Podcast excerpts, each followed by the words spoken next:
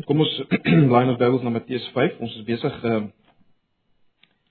soos julle sal weet met die saligsprekinge. As ons die plek oop het, kom ons uh, kom ons bid net weer so. Ja Here, ons wil maar net nou vra dat U ons ontvanklik sal maak vir U woord, Here. Help ons om te hoor wat U vir ons wil sê. En wat U werklik veranderend in ons werk ook vanaand spite van wat ons is. Op grond van wie U is, op grond van ons posisie in U, kom en verander ons as U liggaam. As lede van U liggaam, asseblief. Ons vra dit in Jesus se naam. Amen. Kom ons kom ons lees net weer vanaf vers 3. Ons eh, fokus vanaand op vers 7. Kom ons lees net weer ehm um, vanaf vers 3. In vers 1 het ons nou gesien gaan Jesus op die berg, uh, baie betekenisvol op die berg gaan. Uh Matteus wil baie duidelik sien ons uh, baie duidelik hê ons moet 'n parallel sien met dit wat Moses doen onder die ou verbondsbedeling. Jesus klim op die berg en dan begin hy 'n beskrywing gee van hoe lyk die mense wat behoort aan die nuwe bedeling, aan die koninkryk van God wat nou gekom het toe Jesus gekom het, wat naby gekom het. So geweldig betekenisvol vers 1 en 2. En dan lees ons net vanaf vers 3. Kom ons lees van die 83 vertaling. Geseend is die wat weet hoe afhanklik hulle van God is. Letterlik salig is die wat weet hoe uh, salig is is die armes van gees, né? Nee. Ehm uh, maar ons het gesien is 'n is 'n is 'n goeie vertaling om te sê hulle weet hoe afhanklik hulle van God is. Want dit is 'n bewustheid van jou eie niksheid voor God, né? Nee, die arm van gees. Want aan hulle behoort die koninkryk van die hemel. Vers 4 geseend is die wat treur want hulle sal vertroos word.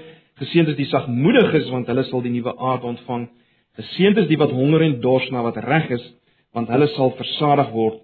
Geseënd is die wat barmhartig is want aan hulle sal barmhartigheid bewys word. En dan vanaand fokus ons op vers 7. Geseënd is die wat barmhartig is, of salig is die barmhartiges want aan hulle sal barmhartigheid bewys word. En ek wil hê ons moet vanaand net uh, vier vrae beantwoord uh in die lig van hierdie vers. In die eerste plek wil ek hê ons moet vra maar hoe word 'n hart barmhartig? Of waar kom barmhartigheid vandaan? Nee, hoe word 'n hart barmhartig of 'n mens barmhartig as jy wil? Waar kom dit vandaan? Dis die eerste vraag. Tweede vraag, wat is barmhartigheid? Hoe hoe hoe, hoe is 'n barmhartige persoon? Wat is dit regtig? En dan wil ek net eers vinnig kyk na die vraag: Moet 'n barmhartige persoon altyd barmhartigheid bewys? Met ander woorde, uh, kan ek 'n polisieman word? om dit eenvoudig te stel. En uh dan net laastens hoekom sal net die barmhartiges barmhartigheid op die oordeelsdag ontvang? Het ons hier te maak met verlossing deur werke? Wat gaan hier aan? So dis die laaste vraag wat waarna ons wil kyk.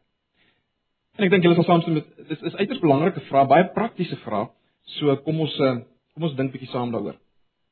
So die eerste vraag is nou hoe word 'n mens barmhartig? Waar kom barmhartigheid vandaan? Wel, dit is belangrik om die struktuur van die saligspreking tot op hierdie stadium te verstaan, né? Nee, ons het gesien die eerste drie saligsprekinge het te maak met 'n leegheid. Uh die geseënde persoon in die eerste 3 verse is leeg. Hy het homself gesien voor God en dat hy vir hierdie God van hierdie nuwe koninkryk het ek niks, ek kan niks, kan niks vir hom bied nie. Ek is arm van gees. Ek weet hoe afhanklik ek van hom is, né? Nee. En dit gaan oor 'n treur oor my toestand. Uh Hierdie persoon wat homself so gesien het, treur oor sy eie toestand voor God in die lig van wie God is en hy treur oor die toestand van die wêreld rondom hom waar die koninkryk nog nie gekom het. Nee. En dan het ons gesien in vers 5 in vers 5 as ons kyk na sagmoedigheid, ons gesien dis die aanvaarding uh van die aanklagtes van die lewe sonder om myself te verdedig. Ek laat my verdediging aan God oor, nee, ek veg nie vir myself nie. Dis sagmoedigheid. Ek veg nie vir myself nie. En ons het gesien dan hierdie toestand van leegheid, dis 'n toestand van leegheid, dis reg op sy plek, maar dis 'n toestand van leegheid. Hierdie toestand van leegheid word in vers 6 gevolg deur 'n honger en 'n dors na geregtigheid. 'n Honger en 'n dors na 'n volheid wat kan oorvloei. Hier was nog net leegheid, nou honger en dors ook na 'n volheid wat oorvloei. En ek het julle gesê en ons het baie tyd daaraan spandeer om te bewys dat dit die betekenis is van geregtigheid in Matteus in die saligsprekinge struktuur, maar ook in die reis van die bergrede het ons ons nou baie tyd daaraan spandeer, maar maar wat ons gesien het is dat dit waarmee ek nou oorvloei. Hierdie geregtigheid is dit wat beskryf word in die volgende 3 verse. Barmhartigheid, reinheid van hart en vrede maak. En as ek hierdie geregtigheid openbaar, baie interessant, ek het honger en dors na geregtigheid, ek word gevul hiermee en dan sou julle uh, sou julle onthou het ons mekaar gesê in vers 10 sien ons nou word ek vervolg juis vir hierdie geregtigheid in vers 10. Geseënd of salig die wat vervolg word ter wille van geregtigheid. Nuwe vertaling sê uh moet hulle doen wat reg is. Ek het gesê ek verkies die vertaling geregtigheid. Uh ek word nou vervolg vir hierdie geregtigheid waarmee ek nou oorloop, naamlik barmhartigheid, ehm um, reinheid van hart en vrede maak. So, om die vraag te beantwoord, waar kom barmhartigheid vandaan? Wel, dis waar barmhartigheid vandaan kom, nê. Nee. Uh barmhartigheid kom uit hierdie gebroke hart wat homself gesien het voor God. Wat homself nie verdedig nie. Dis waar barmhartigheid vandaan kom. Uh as jy dit so wil stel, barmhartigheid kom van barmhartigheid. Ons barmhartigheid kom van die barmhartigheid wat ons van God ontvang het. Nee. Hierdie barmhartigheid wat ek ontvang is 'n is 'n self 'n seën van God, 'n gawe wat God gee vir die wat gebroken is. Die wat beskryf word in die eerste 3 saligsprekinge. Met ander woorde ons kan sê die sleutel om 'n barmhartige persoon te word, te wees, is om 'n gebroke persoon te wees. Met ander woorde, jy kry die krag om barmhartigheid te bewys van daai, as ek dit so kan stel, gevoel in jou hart, daardie wete dat jy alles verskuldig is aan goddelike barmhartigheid. Alles wat ek is en het is as gevolg van goddelike barmhartigheid en die persoon wat dit besef het en gesien het, dis daardie persoon wat oorloop in die geregtigheid, die praktiese geregtigheid van barmhartigheid.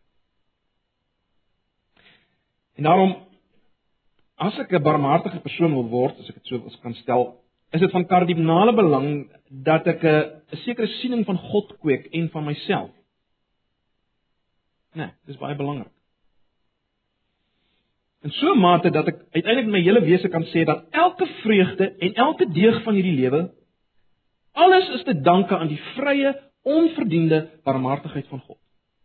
Ek sê dit weer, ek moet so 'n siening kweek van van God en van myself dat dit uiteindelik die die die die taal van my hele wese is. Nee. Elke vreugde, elke deeg is te danke aan die onverdiende goddelike barmhartigheid wat ek ontvang. So as ons wil vra waar kom barmhartigheid vandaan? Waar pas dit in? Dis wat dit inpas. Dis waar dit vandaan kom. Nee. Onthou ons het mekaar gesê dis 'n geweldige logiese volgorde in die saligspreking. Een vloei uit die ander een voort. So dis waar barmhartigheid vandaan kom. So word jy barmhartig. Geen ander manier. Geen ander manier. Begin daar. Begin by die eerste saligspreking. Ons tweede vraag is wat is barmhartigheid? Of hoe is die barmhartige persoon? Nou as ons net letterlik kyk na die woord, in die eerste plek letterlik beteken dit maar net om medelee te hê, deernis te hê, om jou te ontferm oor mense in nood. Nou, dis wat die woord letterlik beteken. Wat is die verskil tussen barmhartigheid en genade? Dis gewoonlik 'n vraag wat mense het. Wel, die naamwoord vir barmhartigheid het altyd te maak met met dit wat gesien word, nê, nee, dit as ons dit so stel, barmhartigheid handel met dit wat gesien word. Ja, dit wil sê die pyn, die ellende, die benoudheid. Of as jy wil, die resultate van sonde. Barmhartigheid het te maak met die resultate van sonde. Dis waar dis waar barmhartigheid na vore kom. Terwyl genade handel weer met sonde en skuld self. Nee, genade handel met sonde en skuld self. So mens kan amper sê die die een barmhartigheid gee gee verligting, die ander een gee vergifnis, né? Ehm um, of die een genees en help en en die ander een reinig as jy dit so wil stel. Nou in God is barmhartigheid en genade saam, né? Nee, dit is 'n vorme eenheid, 'n volkomme, dis 'n volkomme eenheid in God. Maar goed, dis die dis nou maar net die die die woordeboek betekenis van van barmhartigheid. Maar as ons regtig wil duidelikheid kry oor iets, is dit is dit baie keer belangrik om na die teenoorgestelde te kyk. En as jy na die teenoorgestelde kyk, dan sien jy duideliker wat wat is hierdie ding. En uh, kom ons doen dit ook met uh, met barmhartigheid. En Matteus en Lukas help ons baie baie hiermee met met sekere illustrasies wat hulle gee aan die hand van dit wat wat Jesus sê. Die eerste voorbeeld is Matteus 9. Miskien kan julle net blaai na Matteus 9.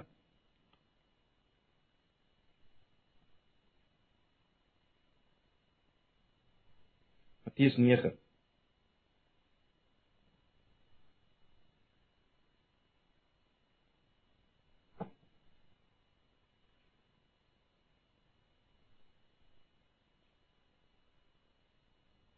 Kom ons lees dit van vers 10 tot 13.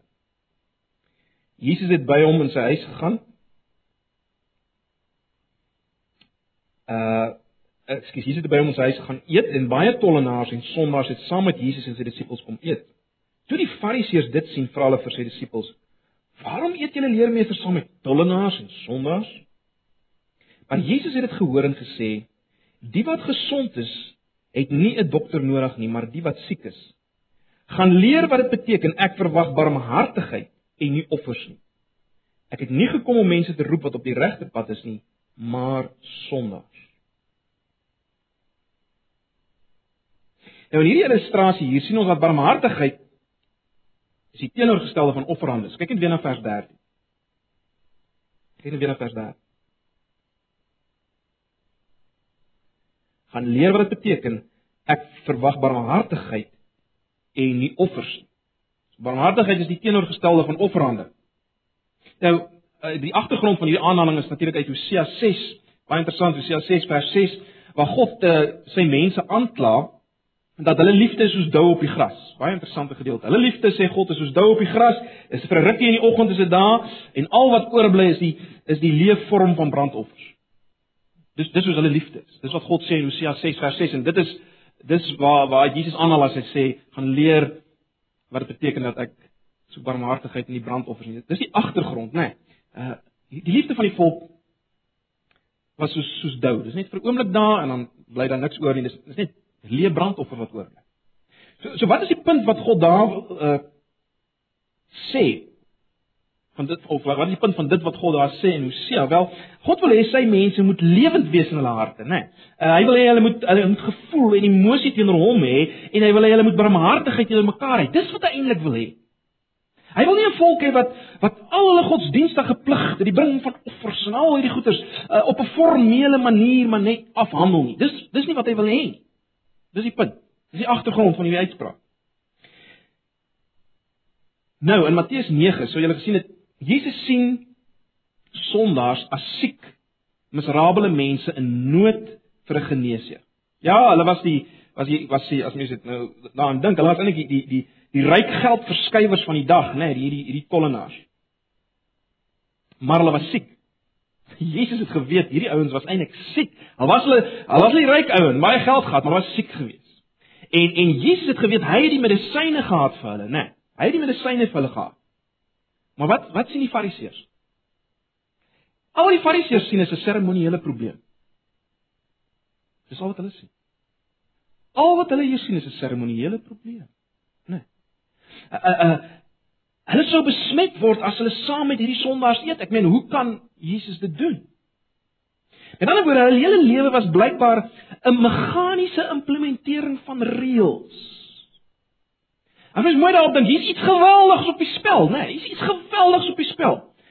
Maar hulle kon dit nie sien nie. Hulle kon dit ook nie beleef nie. Hulle was verslaaf, as ek dit sou kan noem, aan die petty issues van seremoniële reinheid terwyl ewige siekte op die punt was om genees te word. Hier is 'n saak van ewige siekte wat op die punt is om genees te word. Hulle is gepreokkupeer met hierdie petty issue van seremoniële reinheid. So, wat is die punt? Die teenoorgestelde van barmhartigheid. Dis wat Jesus hier vir ons wys. Die teenoorgestelde van barmhartigheid is die gebondenheid aan kom ons noem dit godsdienstige beselagtighede teenoorgestelde van barmhartigheid.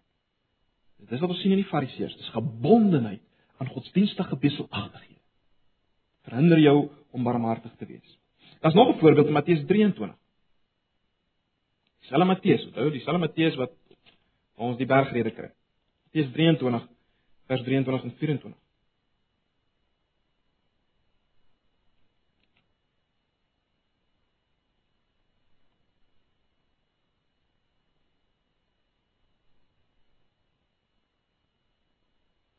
Dis 23 vers 23 24.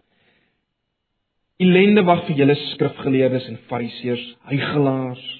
Julle gee tiendes van kruisement, anys en koljander, maar wat volgens die wet van God die swaarste weeg laat julle na: geregtigheid, barmhartigheid en betroubaarheid. Juis hierdie dinge moet 'n mens doen en nie die ander nalat.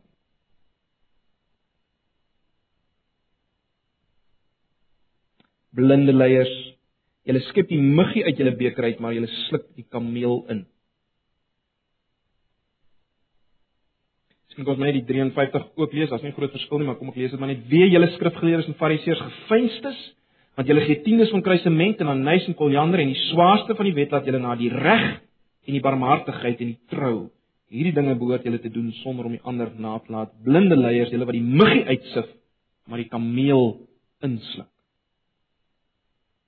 So, in hierdie vlamskerp woorde van Jesus, wat is die teenoorgestelde van barmhartigheid? In hierdie vlamskerp woorde van Jesus. Wel, die teenoorgestelde van barmhartigheid is die uitsif van muggies. Dis die teenoorgestelde van barmhartigheid. Dis dis wat julle doen. Julle laat die barmhartigheid na, maar julle julle sif muggies uit. So die uitsif van muggies is die teenoorgestelde van barmhartigheid. Kom kom ek probeer dit so stel. Die teenoorgestelde van barmhartigheid is is wanneer jou uh, godsdienstige impulse uitgeput is nadat jy besluit het of jou tiende bestaan uit jou netto inkomste en jou of jou bruto inkomste en of jy nou geskenke moet byreken en so meer. Wat is die les wat ons moet leer as Jesus sê ek begeer barmhartigheid in die offerande? En wanneer hy sê julle sif die muggies uit en sluk kameel in. Wel wat ons moet leer is dit mense, ons moet leer dat die groot struikelblok, die groot vyand uh van barmhartigheid is die gepreokkupeerdheid met beselagtighede in die lewe. Dis wat Jesus ons wil leer. Die groot struikelblok in die pad van barmhartigheid is die gepreokkupeerdheid met beselagtighede in die lewe.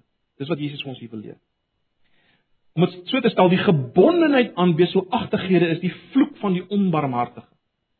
Dis die vloek van die onbarmhartige. As Jesus sê julle laat die swaarste wat na of dit wat die swaarste weeg vir God laat julle na dan dan bedoel hy in 'n sekere sin pas op om deur 'n hele dag te gaan en net beselagtighede te doen te dink te voel mee besig te wees. Pas op om net besig te wees met beselagtighede. In ander woorde, die die, die Here wil as te ware hê ons moet onsself knyp uh, weer en weer voor ons net met piering oë voor die televisie sit heeldag.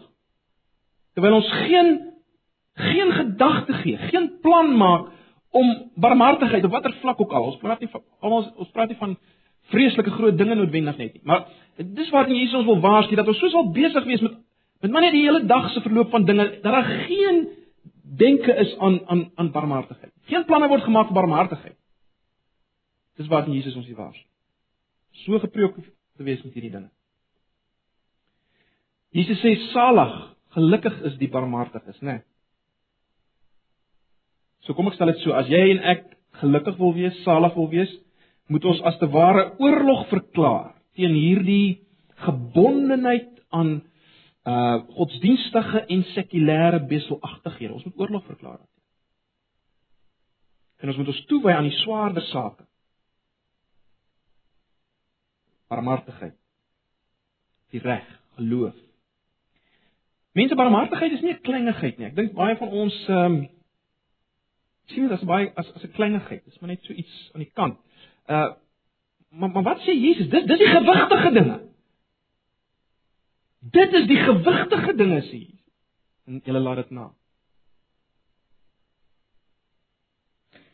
Kom ek gee nog 'n laaste voorbeeld wat die teenoorgestelde van barmhartigheid uitwys.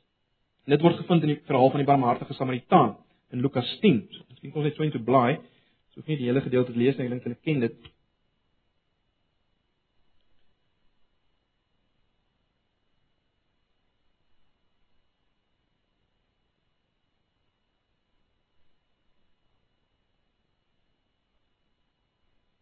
Nou die vraag waarmee daar begin word in vers 25, uh, ons lees dit net, daar was 'n wetgeleerde wat aan Jesus 'n strik vraag wou stel en hy het hy staan op en vra meneer, wat moet ek doen om die ewige lewe te verkry?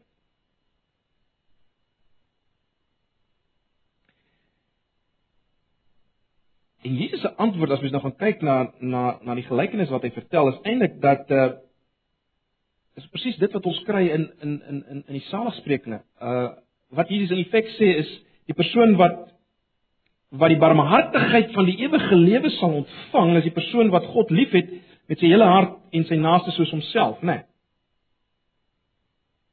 Dis wat Jesus sê in vers 27. As Jesus uh, vers 26 sê Jesus kom, wat staan in die wet van Moses? Wat lees jy? En hy antwoord jy moet die Here jou God lief hê met jou hele hart en met jou hele siel en met al jou krag en met jou verstand en jou naaste soos jouself. So dis wat Jesus sê.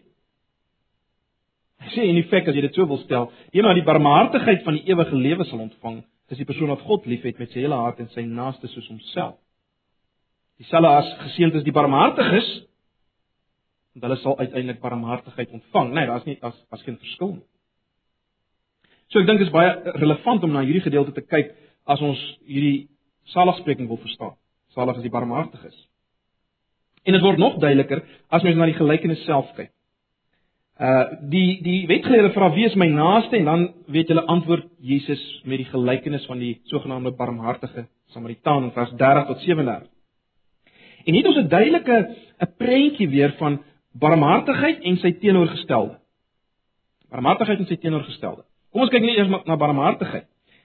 Is vier dimensies aan barmhartigheid in die storie as mens vinnig daarna kyk, né? Nee.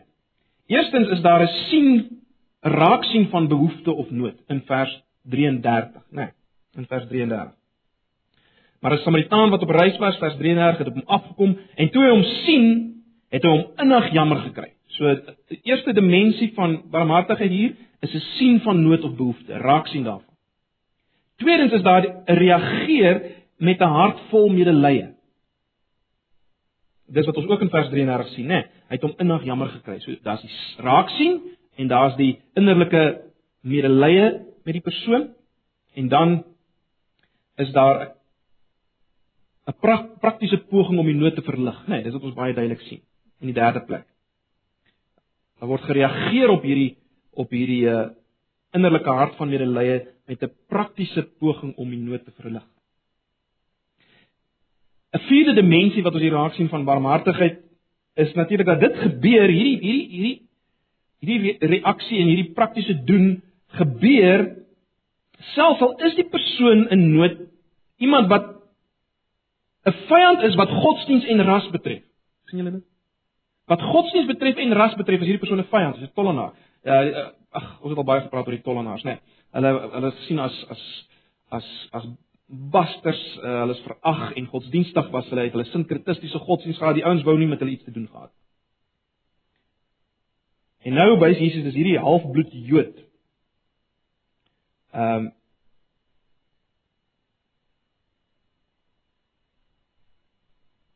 Kyk, hier is natuurlik nou, nou anders andersom, net die Samaritaan wat wat die barmhartige was.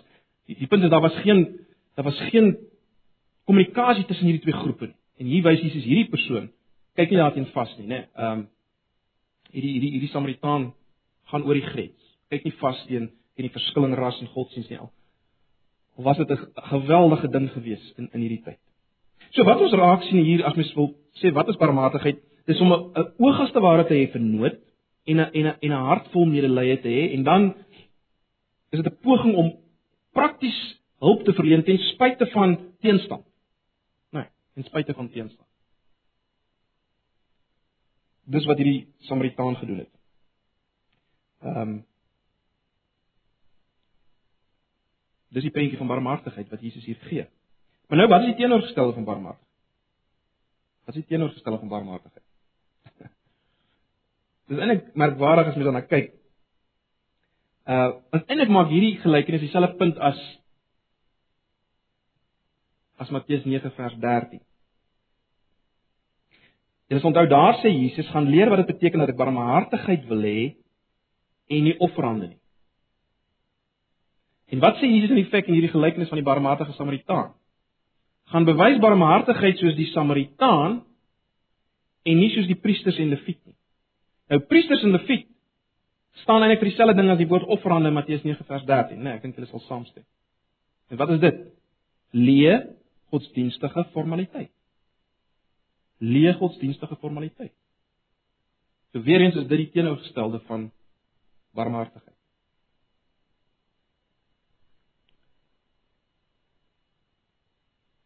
Hierdie hierdie is 'n storie wat Jesus as te ware skep, né? Nee, hy, hy, hy maak as te ware hierdie storie.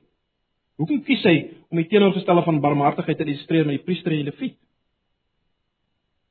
Dis die vraag wat ons moet vra en ek dink Ek dink hy wil weer eens vir ons wys op die die gevaar daarvan om opgeneem te word in die meganika van godsdienstige aktiwiteite.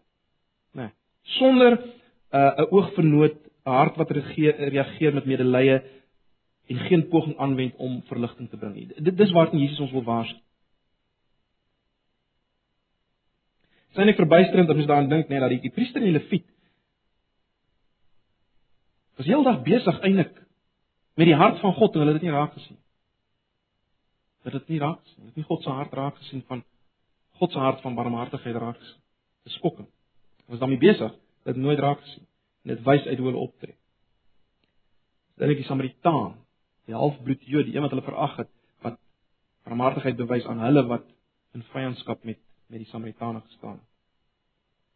So, om dit saam te vat, ons tweede vraag se antwoord, wat is barmhartigheid? Ons moet sê barmhartigheid is een van die gewigtiger sake van die lewe. Ons moet dit vir mekaar sê. Ons moet sê hierdie barmhartigheid loop altyd die gevaar van verwaarlosing as gevolg van ons preokkupasie met beselagtighede. Loop dit altyd die gevaar van verwaarlosing. Dinge soos te veel televisie, te veel rekenaar, te veel van my stoppertjies, ehm uh, of selfs godsdienstige dinge. Dinge wat wonderlik in sigself is. Dit is die gevaar vir barmhartigheid. Die struikelblok in die pad vir barmhartigheid. En dit kan wees van prediking tot gebed tot enigiets.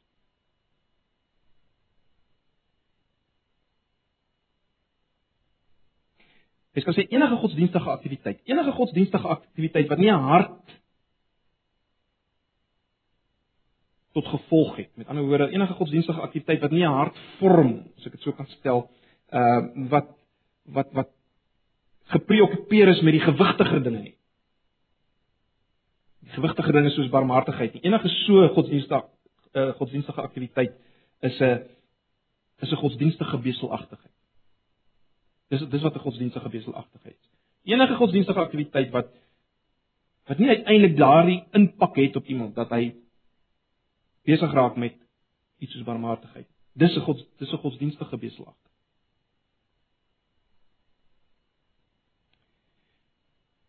Dit kan pas sê die die die die die lakmoestoets vir godsdienst is of daar 'n sien van nood is, 'n medelee is en 'n verligting van nood is, selfs as iemand 'n godsdienstige en 'n fisiese vyand is, soos dit was die geval tussen die Samaritane en die Jode. So, dis die vraag, wat is barmhartigheid? Dis wat is barmhartigheid? So ons het net gekyk na 'n woordeboek betekenis, maar ons het ook gekyk na wat dit is in die, in die in die lig van die teenoorgestelde, né? Nee. Wat is barmhartigheid? Die derde vraag wat ek wil hê moet vanaand na kyk is, moet 'n barmhartige persoon altyd barmhartig wees? Of barmhartigheid bewys? Met ander woorde, kan 'n kan 'n polisieman of kan 'n Christen dan 'n polisieman word?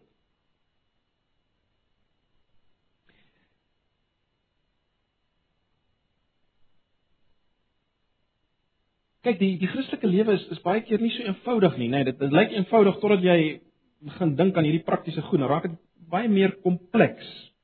Uh, Veral vir die persoon wat erns maak met die uitleef van van sy geloof. In ander woorde, as ons as ons daaroor dink, kan 'n Christen ouer konsekwent barmhartig wees en tog ook 'n ouer wees wat wat sy kind 'n pak slaag gee in, in die lig van die opdragte ook van die skrif. Kan ek barmhartig, konsekwent barmhartig wees en ook dit doen? Dis die tipe vraag wat ons moet vra.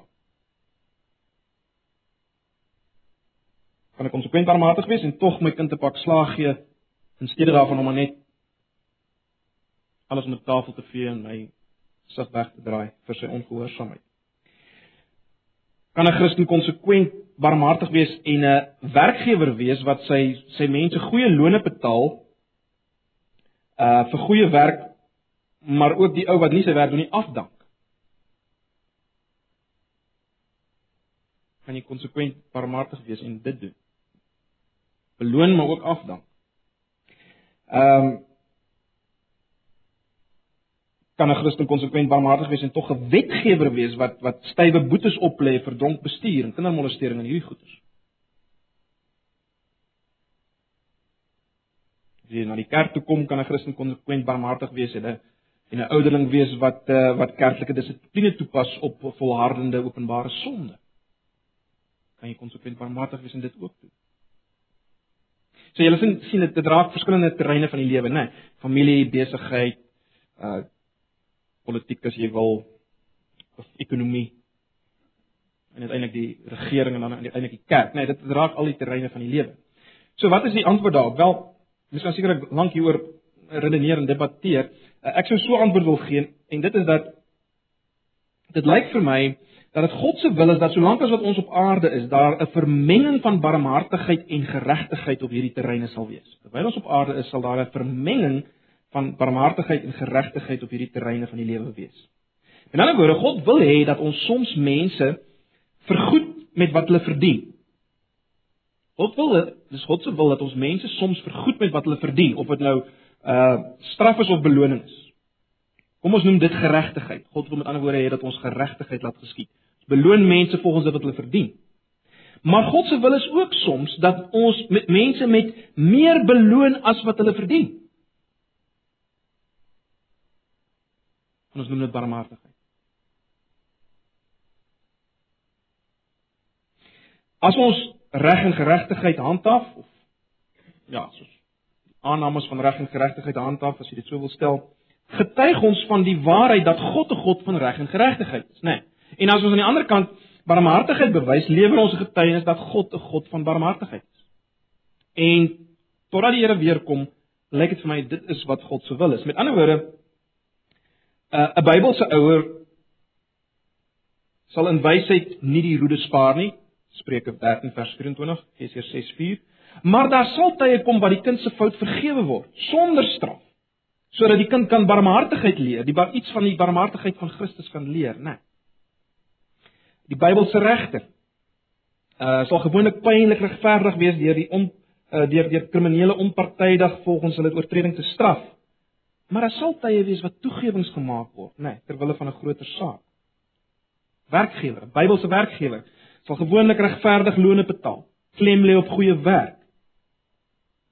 Maar daar sal 'n tyd wees wat hy hierdie ekstra myl stap met die met die siek of die ou of die behoeftige of die onbekwame werknemer. Nee, sal tye wees wanneer hierdie ekstra myl gestap word saam met die onbekwame werknemer, die sieke, die ehm um, die ou en die behoeftige. Né? Dis wat die Bybelse werkgewer sal doen. Die Bybelse ouderling sal sal dissipline toepas op volhardende openbare sonde, maar daar sal tye wees waar waar die gelykenis van die koninkryk uh, ag van die van die van die uh, koning en die onkruid toegepas sal word. Beide sal toegelaat word om saam te groei, né? Nee. Totdat die einde kom in die lig van Matteus 13 vers 24 en verder. Dis nie vra jy maar, maar maar hoe op aarde sal ons weet wanneer om wanneer om reg en geregtigheid te handhaaf en wanneer om wanneer om hierdie barmhartigheid ehm uh, te bewys? Wel, die antwoord is nie is nie maklik nie, né? Nee uh in die lig van wat ons vanoggend gesê het, ek dink die antwoord is dit leef so naas moontlik aan Jesus. Kom so naas moontlik aan Jesus, begin sy hart kry. Jy sien, daar's geen buig of bars reëls in die skrif wat elke situasie dikteer nie. Ek weet van geen sulke reëls. Geen buig of bars reëls wat wat wat elke situasie dikteer nie. En ek dink nie dis toevallig so nie. Die die hele doel van die Bybel is om 'n soort persoon te kweek, né? Nee. Nie om 'n volledige lys van reëls vir elke situasie te gee nie. Die die die Bybel is eenvoudig nie 'n reëlboek met klomp reëls vir elke situasie nie. Die Bybel wil 'n persoon kweek met 'n hart vir God. En daai vloei hierdie ander dinge voor. Die saligsprekinge sê salig is die barmhartiges, nie salig is die wat presies weet wanneer om barmhartigheid in elke situasie te bewys nie? Nee. Salig is die barmhartiges, nie salig is die wat presies weet wanneer en hoe om barmhartigheid in elke situasie te bewys. In 'n sekere sin moet ons barmhartige mense wees selfs wanneer ons streng optree in diens van geregtigheid. Moet daar iets ehm um, deurkom daarvan. So nou weer iets daaroor sê. Ek dink wat belangrik is om om ook te verstaan is dat ons is ten diepste barmhartig omdat God barmhartig is, né? Nee. In Lukas 6 vers 33 sê Jesus: "Wees barmhartig soos julle Vader." En dan wys hy dat dat God die sy reën en sonskyn gee vir mense wat dit nie verdien eers. Maar dit is ook meer as dit, nê. Nee, God God baie meer as dit. As ons dink aan die kruis en wat God daar doen, 'n absolute barmhartigheid.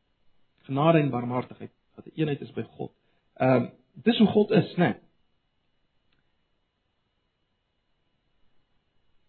So as ons barmhartig is begin ons maar net vertoon hoe God is, hoe God is. Maar goed.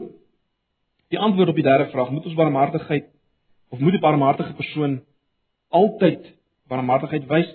Die antwoord is 'n gekwalifiseerde nee as ek dit so kan stel, né? Nee. Uh dit was alles optree volgens reg en geregtigheid. Um uh, om iets te wys van God se reg en geregtigheid vir 'n groter doel. Maar dis 'n gekwalifiseerde nee, né? Nee. En en uh, miskien moet ek hier byvoeg, selfs selfs op die manier wat die ouer die kind die pak slaag gee of die krimineel gestraf word, sal die barmhartigheid van die barmhartige persoon, die persoon wat behoort aan die koninkryk sigbaar word, né? Nee. Ehm um,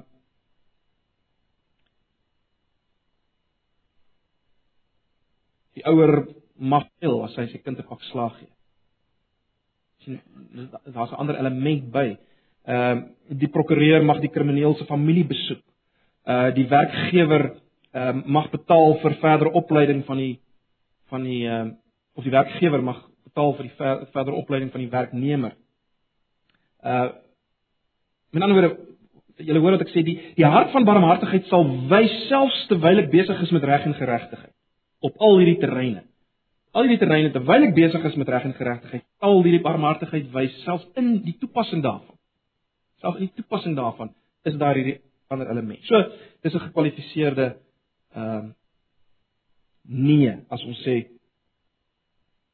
moet ons altyd maar net barmhartigheid bewys. Goed, ek weet daar's daar sekerlik nog baie vrae oor, maar dis maar min of meer ehm um, soos ek dit sou wou verduidelik. En dan kom ons sluit af met 'n laaste opmerking, die laaste vraag.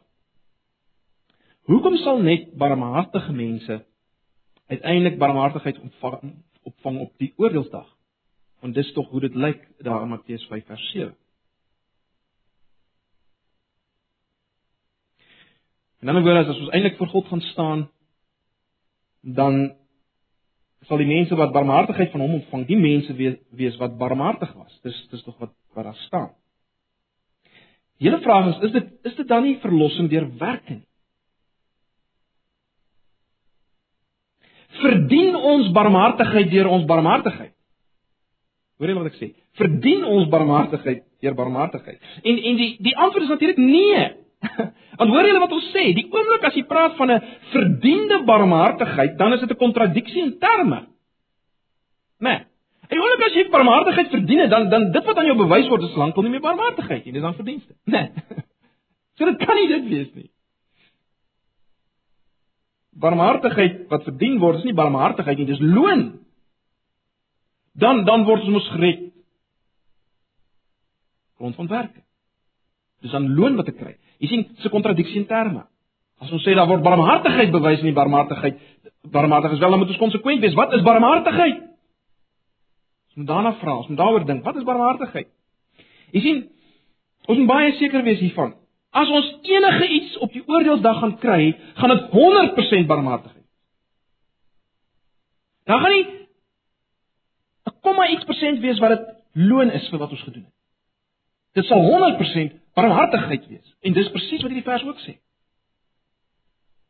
Daar sal barmhartigheid ontvang word. So kom ons probeer dit so verduidelik.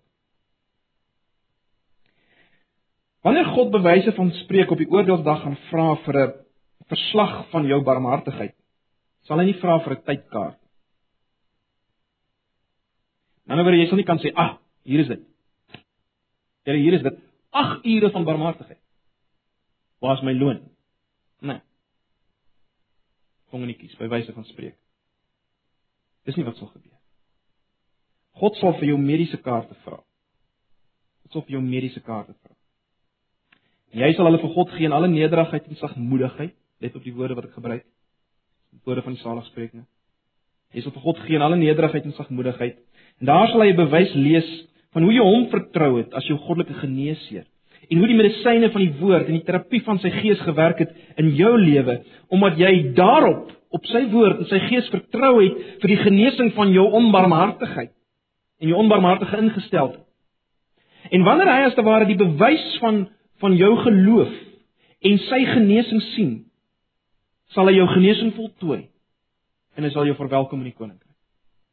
Hy sal jou barmhartigheid bewys. Jy sien dit pas in met wat ons gesê het, waar kom barmhartigheid vandaan? Barmhartigheid kom juis vandaan juis van van die persoon wat sy afhanklikheid gesien het van God. Sy niksheid. Sy gebrokenheid. Dis waar dit vandaan kom.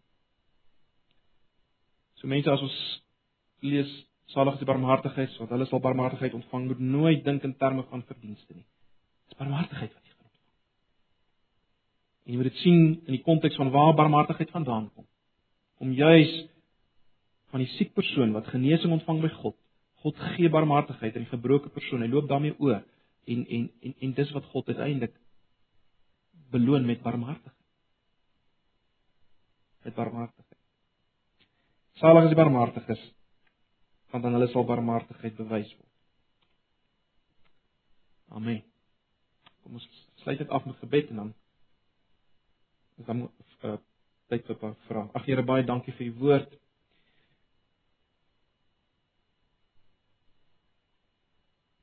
Dankie vir hierdie saligsprekinge.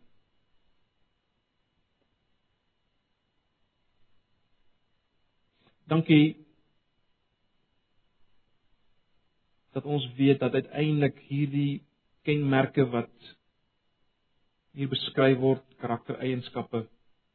Dankie dat dit nie dinge is wat ons hoef te doen om die ewige lewe te beerwe nie.